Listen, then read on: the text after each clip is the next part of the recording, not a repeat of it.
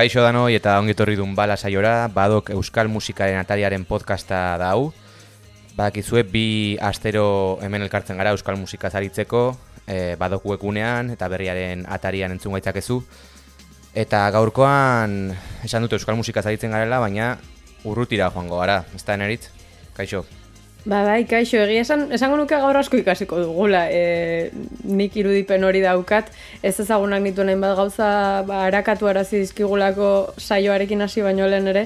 Eta, bueno, nora eta txinara joko dugu. Agian ez dugu musika euskaraz zehazki izango protagonista, baina, bueno, uste dut gero ulertuko duzuela e, gure erabakiaren zergatia. Eta, eta bueno, e, salbuespen hori barkatuko diguzuela, nola baita. Ba, bai, izan ere euskal musikari bat ba, munduaren beste aldean ari da, bere, ba, bere sormenari irten bide ematen, eta, eta bere esperientzia ezagutuko dugu, eta, eta zuk esan bezala, ba, ez, ez ezagunak zaizkigun hainbat gauza berri ezagutuko ditugu, beraz, e, interesgarri dator gaurko saioa. Ba bai, eta horretarako eniaut marti izango dugu gonbidatu nagusi, baina tira, e, ari horri tiraka hain zuzen, ba, topatu dugun beste bitxikeria bat ere aipatuko dugu gutxienez, eta izango da zer entzuna eta zer kontatu asai honetan.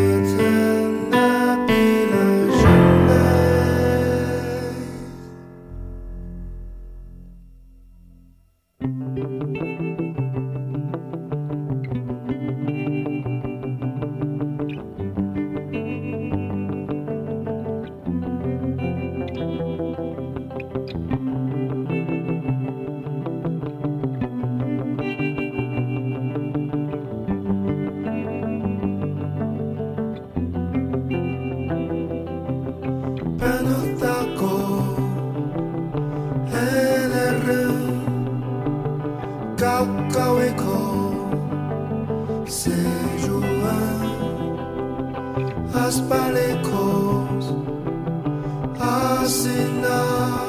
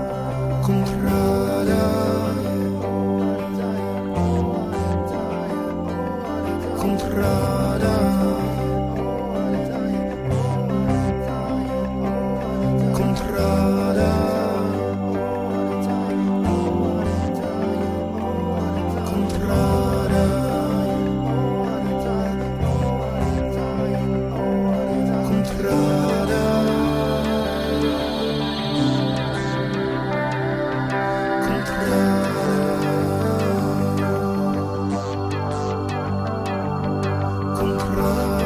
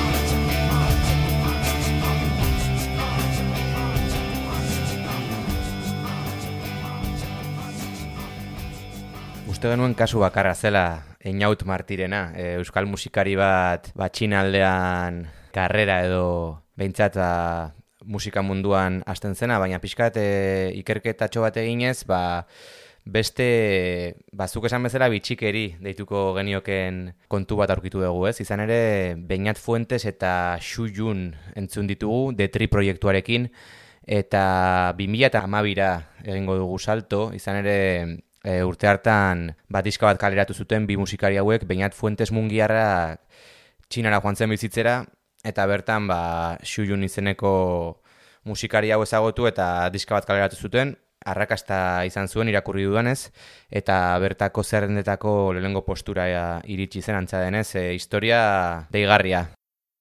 Ba, bai, gainera, bueno, gaztelupeko hotxakek kaleratu zuen diska, eta, eta bueno, egia esan gaztelupeko hotxakek betik baditu horrelako, e, bere katalogoan horrelako altxor txikiak, ez? Eta nik egia esan, ez ezagun nuen nau, eta e, sorpresa izan da, e, Beñat Fuentesen aurreko taldeetako bat Big Fingers and the Love Seed izenekoa bai ezagutzen nuela eta haien kontzertuak ikusiak nituela baina inondik inora zitzetan burutik pasako mm, ba, musikari honen nibilbideak txinan jarraituko zuenik ezta?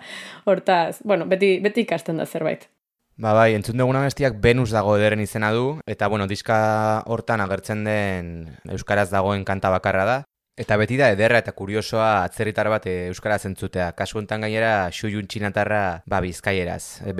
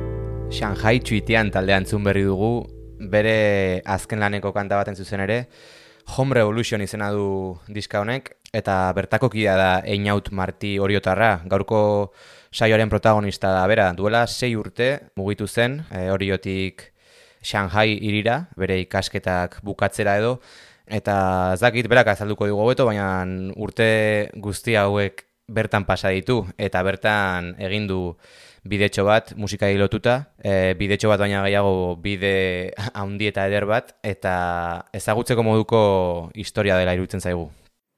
Ba, bai, ongi esan duzu bezala, oriotik Shanghaira, e, baina gainera e, hemen aritzen zen gira naiz taldetik, ba, ba txinako e, musika eszenara, eta ez soilik eszenara heldu eta kitxo bezik sei urte hauetan, ba, bueno, barrutik ezagutzeko parada izan duenez, ba, horreta zere mintzatuko gara berarekin. Einaut, Marti, zemuz geha? Ondo, ondo. Aspaldiko parte zuen deskantzatzen nazik eharki. Ah, bai, azken aldian ze mugimendu asko, nun zaude baintxe bertan? Baintxe bertan, bueno, Sangaiko lan utzi eta Txinako egoalden nago. Oain pixkat Txinera praktikatzen eta deskantzatzen, beste gabe. Mendia jun eta gutxi gete. Earki, arki. Ta azteko nola bukatzen du euskal musikari batek Txinan eta eta hain lotuta musikan munduari, bertan talde bat sortu, eta pixkat hori kontatu nola izan zen e, ibilbide hori, ze ja urte batzuk bara mazkizu bertan. Bai, lengo azten zeigarren urtia uste zala. Ba, konturatu gabe egite esan. Eta, bueno, beste gabe, ni universitatetik etorri nintzen honea, bi abetetako, eta gero hemen musika eskola txiki bat sortu genuen, eta proiektu hori hasi genulako, pues esan genuen, ba, ez geha, etxea bueltatuko. Eta hasieran ba hori, zan hilabete bateko kontua, ama udara pasako etemen, ama iraia multatuko naiz, ama gabonetako, eta azkenen zei urte. Eta zer da, katxinako la lotura hori sortu zizuna o erakarri zinduna? O igual zuk ere dakizu, igual energia berezin bat, o... bai, ez tekit, oain, igual ja zei urte eta gero pixka aldatzen gutea, eh? zergatik anzauden eri alde baten, baina aziran, bai zan, egunero gauza errik deskubritze hori, e, exotikotasun hori, e, ez jakintasun hori bilar zer gertatukoan, eta ba, nik uste horrek pixkat olako gauzak, ez, zait estabilidadia asko gustatzen nahi, eta orduan e, bus, olako goeretan ba, askoz gehiago disfrutatzen, eta horregatik nik uste txinak asko pues, kantxo hori ukizulan ere gan, eta eta ez ditu nula, pues, bueno, dezi ditu, eo, eo nahi gabe, ba, zei urte arte hemen, no, naizela. Esan duzu egonkortasunaren hori ez duzula sobera maite, e, alderdi kreatiboan eta eskolan ere eragiten du ba ezakit grina horrek deskubritzeko beharrak eta eta etengabe gauzak ezagutzeko beharrak. Pua, nik, nik ustet bai ez, ne, nire gan behintzat bai, ze, adibidez gure taldia, musika taldiare bai da, e, egunero gauza ezberdinak iteitu musika talde bat. E, izan, bai da igual egun baten ba, disko normal bat atera, edo urrengo egunen ba, antzerki obra bat sortu, edo urrengo egunen ba, ez telebista saio bat iteko ide bat euki eta hori grabatzen hasi, eta ez tekit bai, asko, asko, egon kortasuna hori, estabilidade hori ez zait, asko gustatzen eta orduan nik uste nire bizitzako aspektu guztitan ba, bai e, influitza dula. Bueno, ala ere, sei urte, e, sei urte emango zizuten tartea pixka bat e, etxea edo horrelako zerbait kontzeptu hori garatzen juteko. E, ez dakit, ala ere, e, musikari bezala zein izan da e, ba, diferentziarik handiena edo herrialde batetik bestera e, musikari gisa gehien bat diot e, holtzara igotzerakoan edo sortzerakoan, talde osatzerakoan. Uf, gauza ezberdin pila bat. Hemen adibidez txinan Zu pentsatu igual, ba, Euskal Herrin bezalako toki bat, eo, bueno, Europan generalen bai, baina e, kulturalki oso ba, barun dekau, ez? Talde bat sortu, ez da, ez da horren ezoikua bezala. Naiz da alare, pues ezoiko gauza baten barrune hon, baina txinan konpartuta da gauza bat ba, oso tipikoa, o, o egunerokotasunen pues, jende asko zula talde bat dekala, o musik instrumentu bat jotzeula, baina txinan, ba, laroita margarren amarkadatik, no, bimila garren amarkadatik aurrea zizen eszena sortzen. Eta ez da, ez, tia, ez zian existitzen ba, guk esautzeitugun ba, irurogeita margarren amarkadako rock taldek edo punk taldek edo olako gauze bezala. Ordun hemen behin sortuta taldia esena esena oso txikila da. Ta baita oso komertzializatuta da. Ordun dirua itia musika mundun asko zerrexo da. Baina, de bai hortik aurrea, zure zergatik nahi naiz musika egiten hori bilatzia oso oso zaila da. Zer da, ba, dirua eta komertzialtasun horren espiralen sartu eta gal, galtzia pues, baita kreatibotasuna edo, edo pioa dauza. Ez da, izinan pixkat hori, e, jo, kulturalki badagola kriston saltua, o ez dakit, behintzat, e, ez da, agian ez dakatela gure kultura musikal hori agian aintzinako zukaipautako taldeako anglosa joi hori, agian ez dakit kultura falta den komila arten, o kultura musikala oso ezberdina dara, o beste modu batekoa, ez agian rock taldei begira bezala, ez? Nik dekat gauza batek pi bat impactatu zin gauza bat adibidez da, e, taldia sortu genuen aurrenengo aldin, ez tekit zentzan, ba, ba, bajista, E, ba, bueno, hain taldeko lidera, dezitu berdeu zein da. Eta, ze, nola taldeko lidera zein da. Danak gea talde bat, eta, bueno, ba, ingo dugu. Ez ez ban, ezke lider bat ez bali madakau, ez tekigu naho. Eta ni, no, zer? Se, ni, de repente nere buruak baino, intzute bai, ba, esplosio interno bate, bua, ez dute zer entenditzen. Eta bai, jendiak bertzun norbait, esateko zein bertzuen. Ba, nolako kantak idatzi, e, noiz ensaiatu, e, noiz kontzertu jo, e, ze gauza jantzi kontzertua jumer genunen, eta esan, baina, zuk ze horrek bat dezitu, ez? Eta, eta zure, ba, aportatu igual zure izateko era taldian barun. Ez, zan gauza bat, ba, azira baten, nahi txokatu zila pila bat. Eta oain, oain bai denborakin aldatu genitun gu e, taldekide batzuk, eta bai bilatze duela, igual ni adibidez ni komodo goteko, ba, jendiak igual badakala zer esan gehiago bezala. Baina hasiera baten, izan zen oso zaia bilatzia jendia taldi daiteko, ba hori, ba, iniziatibakin, eo idea garbikin, oso zaia izan zen. Eta horrekin zuen, bai. Eta gero, Gauza nahi nula komentatu, ez da nire igual buruan espiral hontan pia gauza etortez eskitela, baina baina, bai, nola adidez leheno komentatzen genuen bezala, e, ba, esena nola, horren gaztia dan, de bai, kanpotikan jende asko ikusi, uff, rock esena honek, o underground musika, o, o indie musika, hemen gehiago erabiltzeuen hitza bezala, dekau erabiltzia dirua aiteko eta bai markak... Nicho de mercado, ez da? Bai, bai, bai, de repente, ba, gazte, gazte, gazteena dekau jutia, eh, ba, musika mota hau erabilita, o musika escena hau erabilita. Eta hori, bai, inda, komertzializatu, baina exageratu da. Baina, esate izutela, hementxe gu adibidez, irugarren urtia da taldia dekauna, ba, aurrenengo kontzertua, 2000 eta emeretziko, martxoak amasei, ez tekit, no, boentxe, irurte.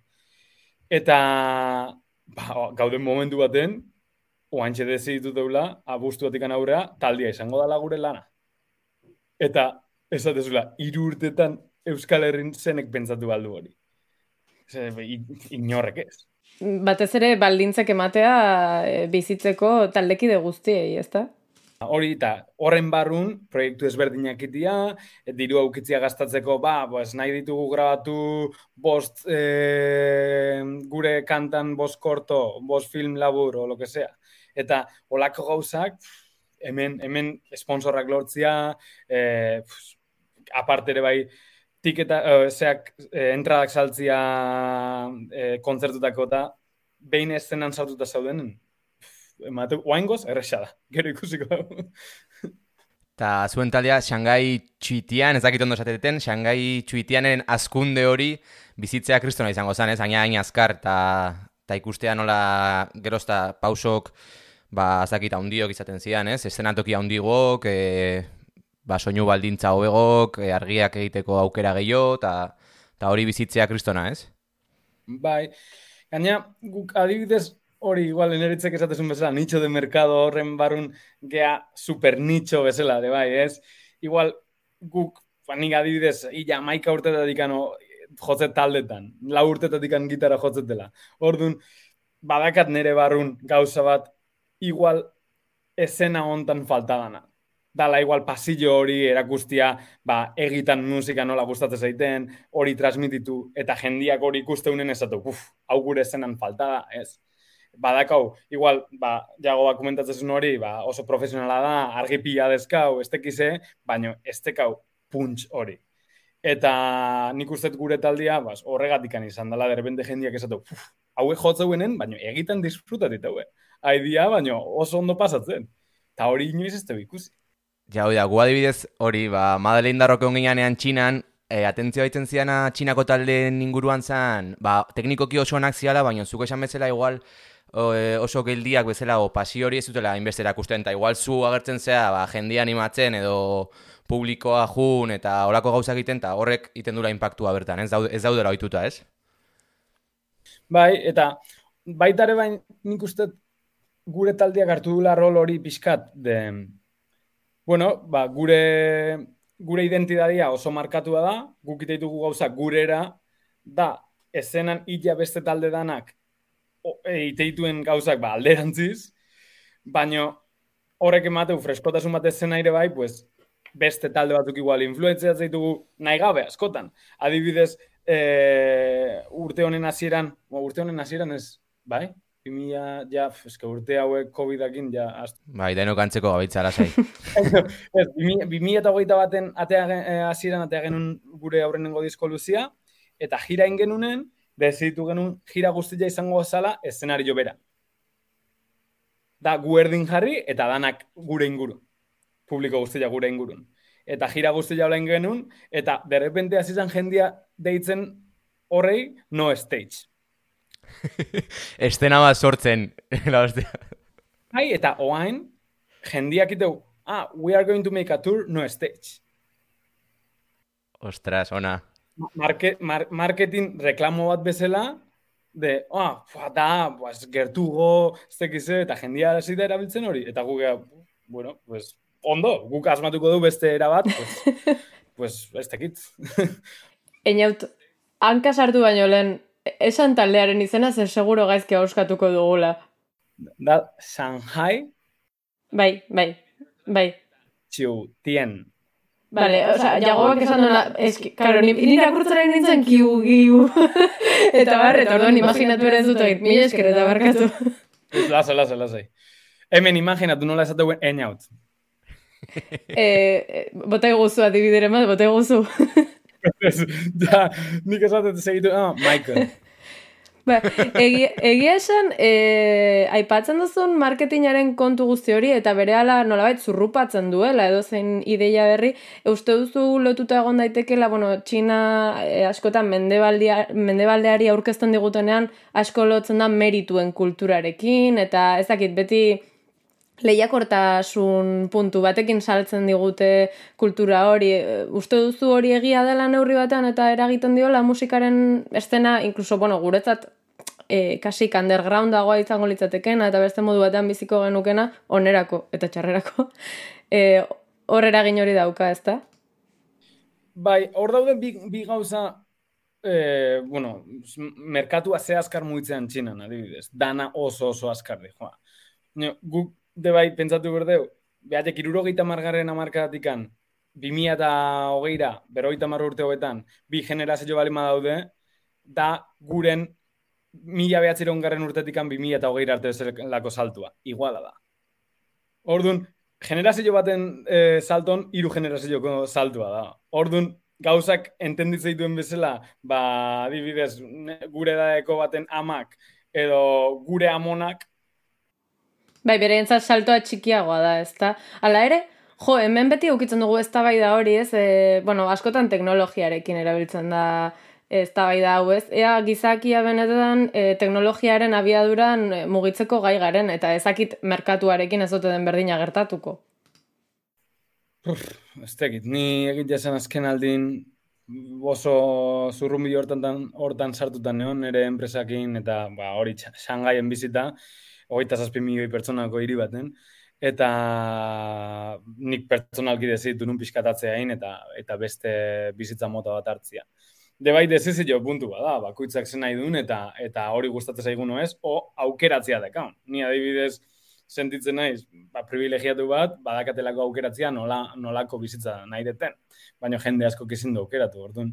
Nik uste zaiatze diala teknologiakin aurre egiten, da batzutan teknologiak ba, irentxitea gaitu ez. Piskat asiera itzuliz, e, taldearen sorrera eta bar, nola intzen una asiera hori, e, nola ezagutu zen musikarik, edo nola zizinean hortan, e, zu, hori zentozen urte desentetan e, gira naiz proiektutik, eta hori nola izan zen sorrera hori, bazenekan gogoa beste zerbait iteko, e, ezberdina edo beste gabe, talde bat sortu nahi zenun, eta gero ikusi. Hmm, bai, eskeni musika jo gabe oso gaizki pasatzen. Ne gertatzen zaitena da hori, ba, zuertia handia dekau, que musika dala nire bia eskape hori, ez? Eta oain adibidez, duda hori dekat.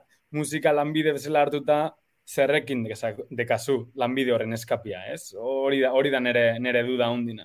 Et, baino, baino bai, hasi ginean, ba, Shangaien astelenero gauetan jan bat zeon, e, taberna baten, eta ba, rea juten itzan, zetalde igenekan, eta ben jotzen hasi eta ez dakit bateriaz e, atzen segika zeona, buah, eara, eara ideketa. Ta hortikan aurrea, pues, kontaktatu nion, eta zanen, buah, ni talde bat itemaet nire bizitzan, baina zurekin nahet. Eta hortikan aurrea ziginan jotzen, eta Florian, e, dala zuitzako, zuitzako mutil bat, eta hortikan aurrea, pues, oain batea ite deulan, batea bizigea, eta pues hori, bizitza eta taldia jarri dugu ba, gure bizitzan erdin. Gero, hortikan aurrea, e, diskoa aurrenengoa eta bigarrena indeunen e, bilok bakarrikan sortu ditugu kanta guztik eta grabatu ditugu kanta guztik, baina gero giratzeko beti bilatu dugu jende, pues, generalen nahi eta lokala dana, pues, pixkat gure bai lokalizatzeko. Baina, bai, oain gontan, bigarren diskoa, bigarren disko luzia grabatzen hasi, e, sortzen hasi genen, ja jira indeun taldekidekin batea igela sortzen kantak. Así que, bai, oain, ja, pentsatu eros... guztu bai aldaketa hori izango da. Bai. Eroso sentitzen zea hola pixkat talde espiritu horrekin. Agian lehen esan dezu zuek e, igual gehiago giatzen zenutela eta bakoitzak zein bartzun eta holako gauzak pentsatu bar zenitula. Hor gauza honak eta txarrak ditu, ez?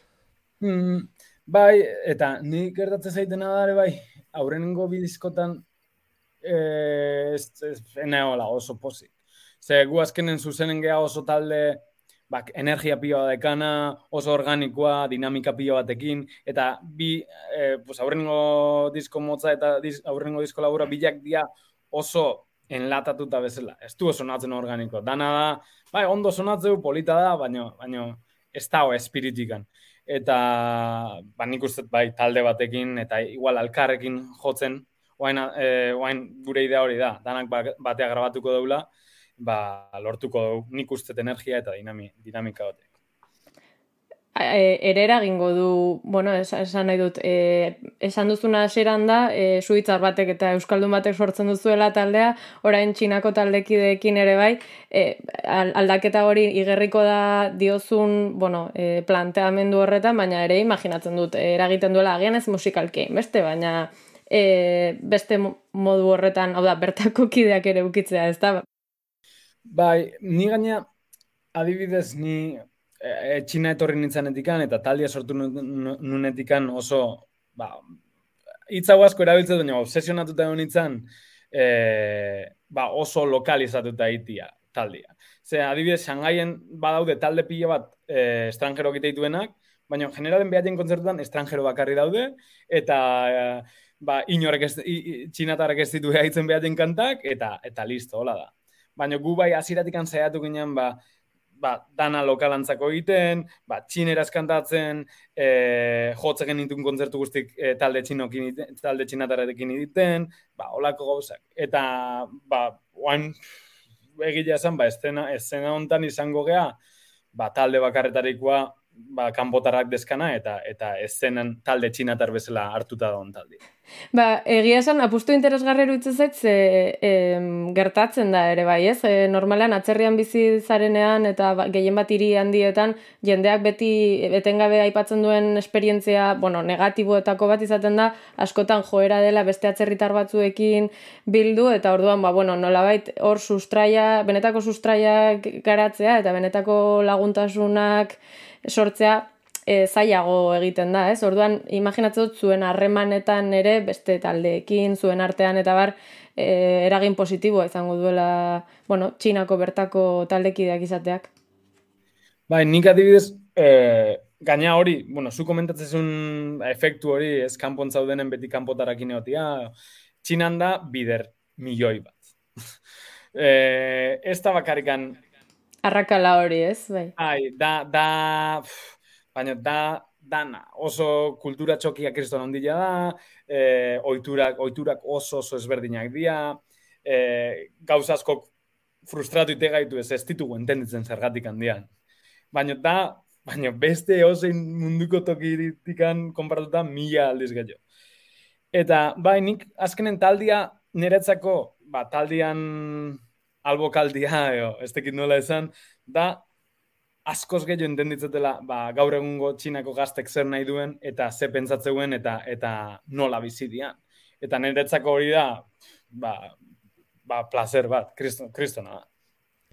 Eta gero sortzeko garaian e, komposizioan taula, esango zenuke eragina duela, eren testu inguruak, e, nun zauden, zuri eragiten dizu horrek edo ezain beste? Adibidez, sortzeko eran ez duzte, baina igual taldia presentatzeko eran eta taldia nola, nola ikuste duen mundua, bai, zen nik Euskal Herrin neonen ino zenun ikusten mundua, otaldia mundua ezagutzeko tresna bat bezala. O mundua presentatzeko tresna bat bezala. Hemen dikan, bai, Shanghai izan da, ba, horren handia, eta Txina, ba, bueno, ja, Txina alden toki guztetan jota gero, da, como, nola ikuste duen mundua gure gure gure taldetikan da total, totalmente diferentia. Ez oain zeitu nahi gara pentsatzen ba, ber, eh, noiz jutegean Europa, noiz jutegean eh, Ameriketa jotzea, noiz jutegean, ez tekit, oain adibidez Islandia, guaz garabatzea. Eta, eta da, ba, totalmente mentalidad ezberdina.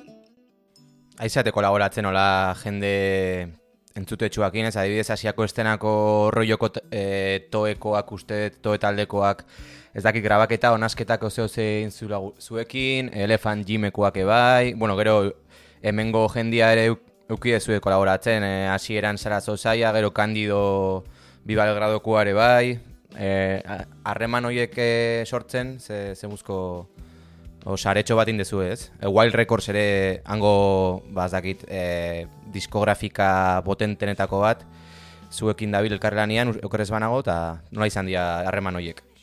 Bai, nik uste bai, bueno, hori ja ez da igual Shanghai enotiakan bakarrikan, baina igual ba, oso gaztetatik musika egitetikan, eta ja pixkat ikustezu, e, zergatik ez diot idatziko nahi gehien gustatzen zaitin musikaria eta zergatik ez dit erantzungo, ez? eta eta guain adibidez, ba, ba, ber, berdina, Islandia guazela grabatzea eta idatze jo olafurrean nalze, ez? Eta esatezu, ba, zergatik ez du joko pianoa gure kanta baten eske zergatik ez, ez? Eta gero igual ez dizu inoiz imei erantzungo.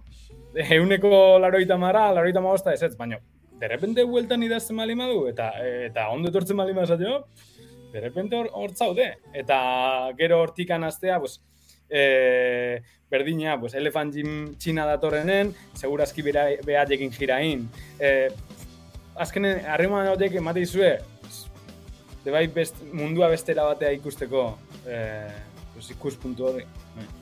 Ba, egia esan polita da guzti hori zeren e, nolabait ere pentsatzen dut e, jarrarazten dizkizuela berriz ere oinak lur gainean, hau da, edo zein musikaren atzean pertsonak daudela azkenean, ziurrenik, e, bueno, berdin zaite beraien ibilbidea oso akademikoa izan den, edo era bat do it yourself izan den, ez? Baina, baina ziurrenik azkenean musikarekiko maitasunetik hortik e, sortu daitezkela gauzak e, ba ez dakit mailak edo edo norden e, ospetsuago edo nork irabazten duen diru gehiago horretan pentsatzen jarri baino lehen, ez?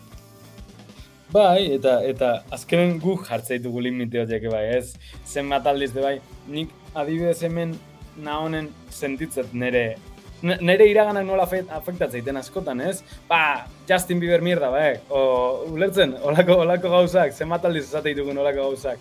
Eta, gero askotan, igual, sartzen nahi gehan seinale da hori, eh? Baina, igual da nahi pasatzen zaigu, baina, eh, bai, derrepente, ego zeinei kontaktatu eta senditzia ba, zure, zure berdina dala eta igual egun ona balin badaka edo libre balin badao, ba, zurekin jotzeko plazerra dukiko ulare bai.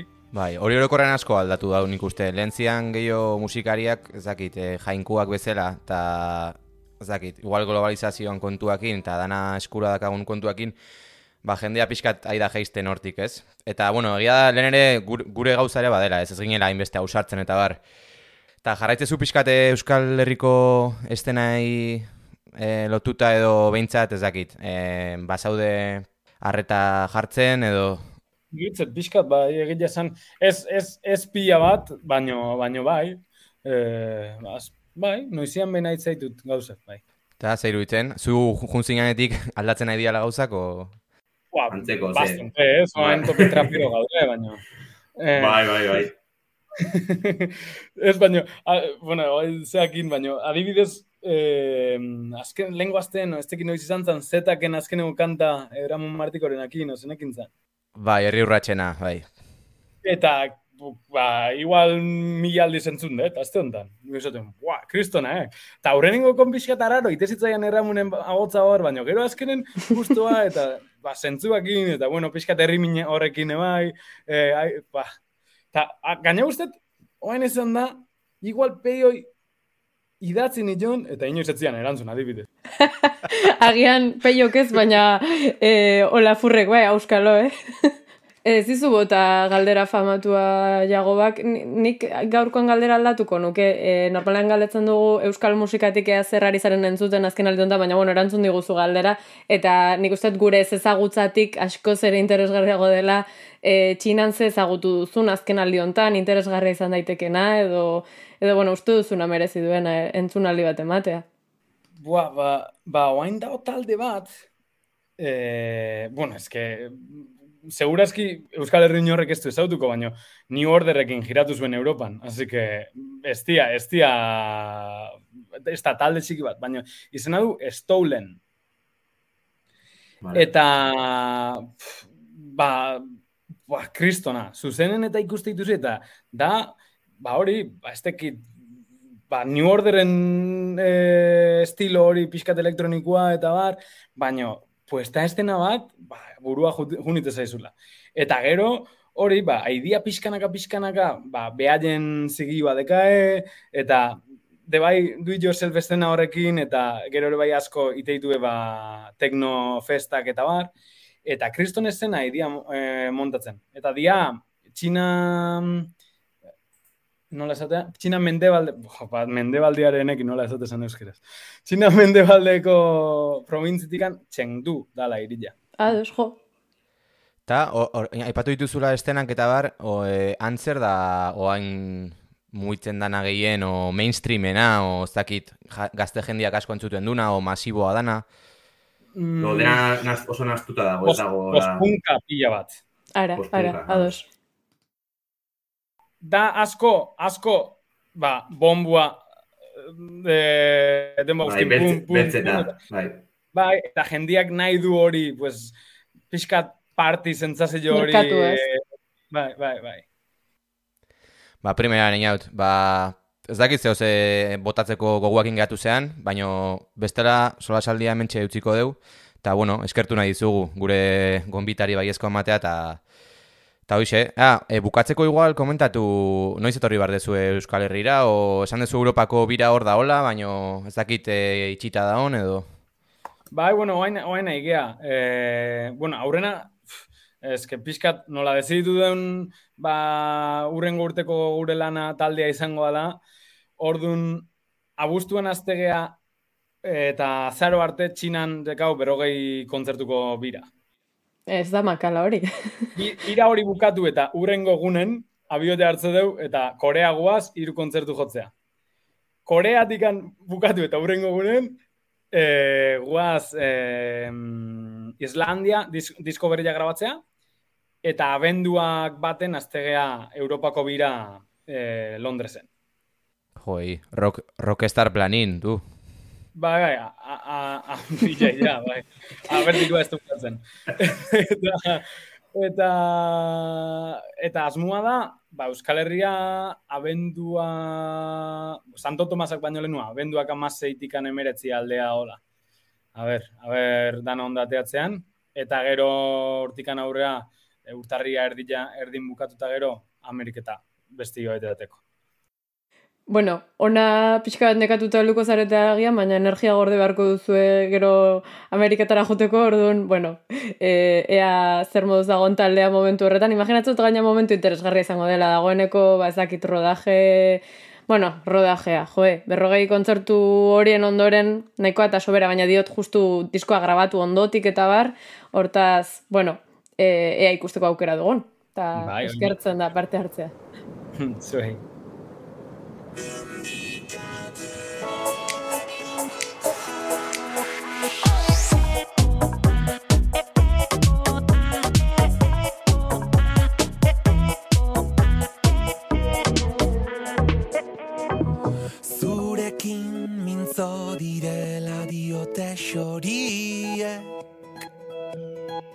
Esan zer kanta egin dizuten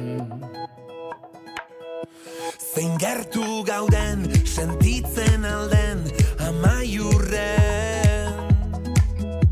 Hori diote baikorrin ere mugalari hoiek Mendikate honek lotuta Zure zauria nirea da Ta kantu hau biona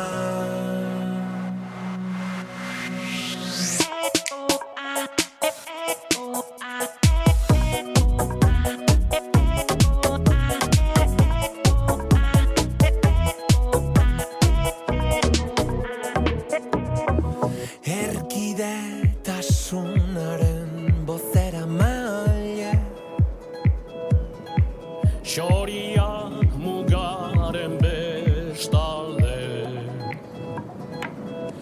Jantzia dute doinu dotorez gaztelu gatxe Testari dute larrumpera ere kantulirainez Mendikate honek lotuta Zure zauria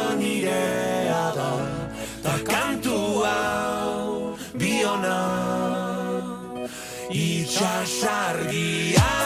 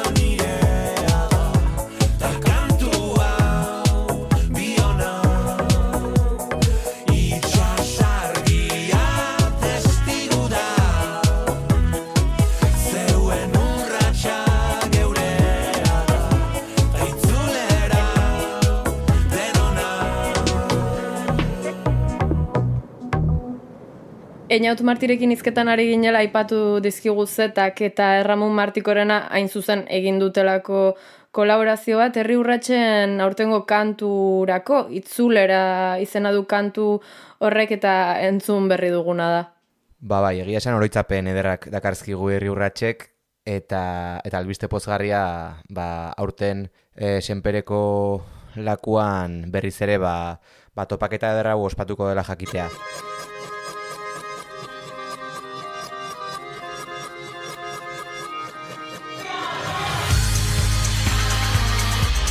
Gure aldetik hemen utziko dugu podcasta, badakizue Euskal Musikaz aritzen gara, bi astero, e, badok webgunean entzun gaitzakezue, berrian ere bai, beste hainbat lekutan ere bai, eta besterik gabe, ongi izan eta lastera arte.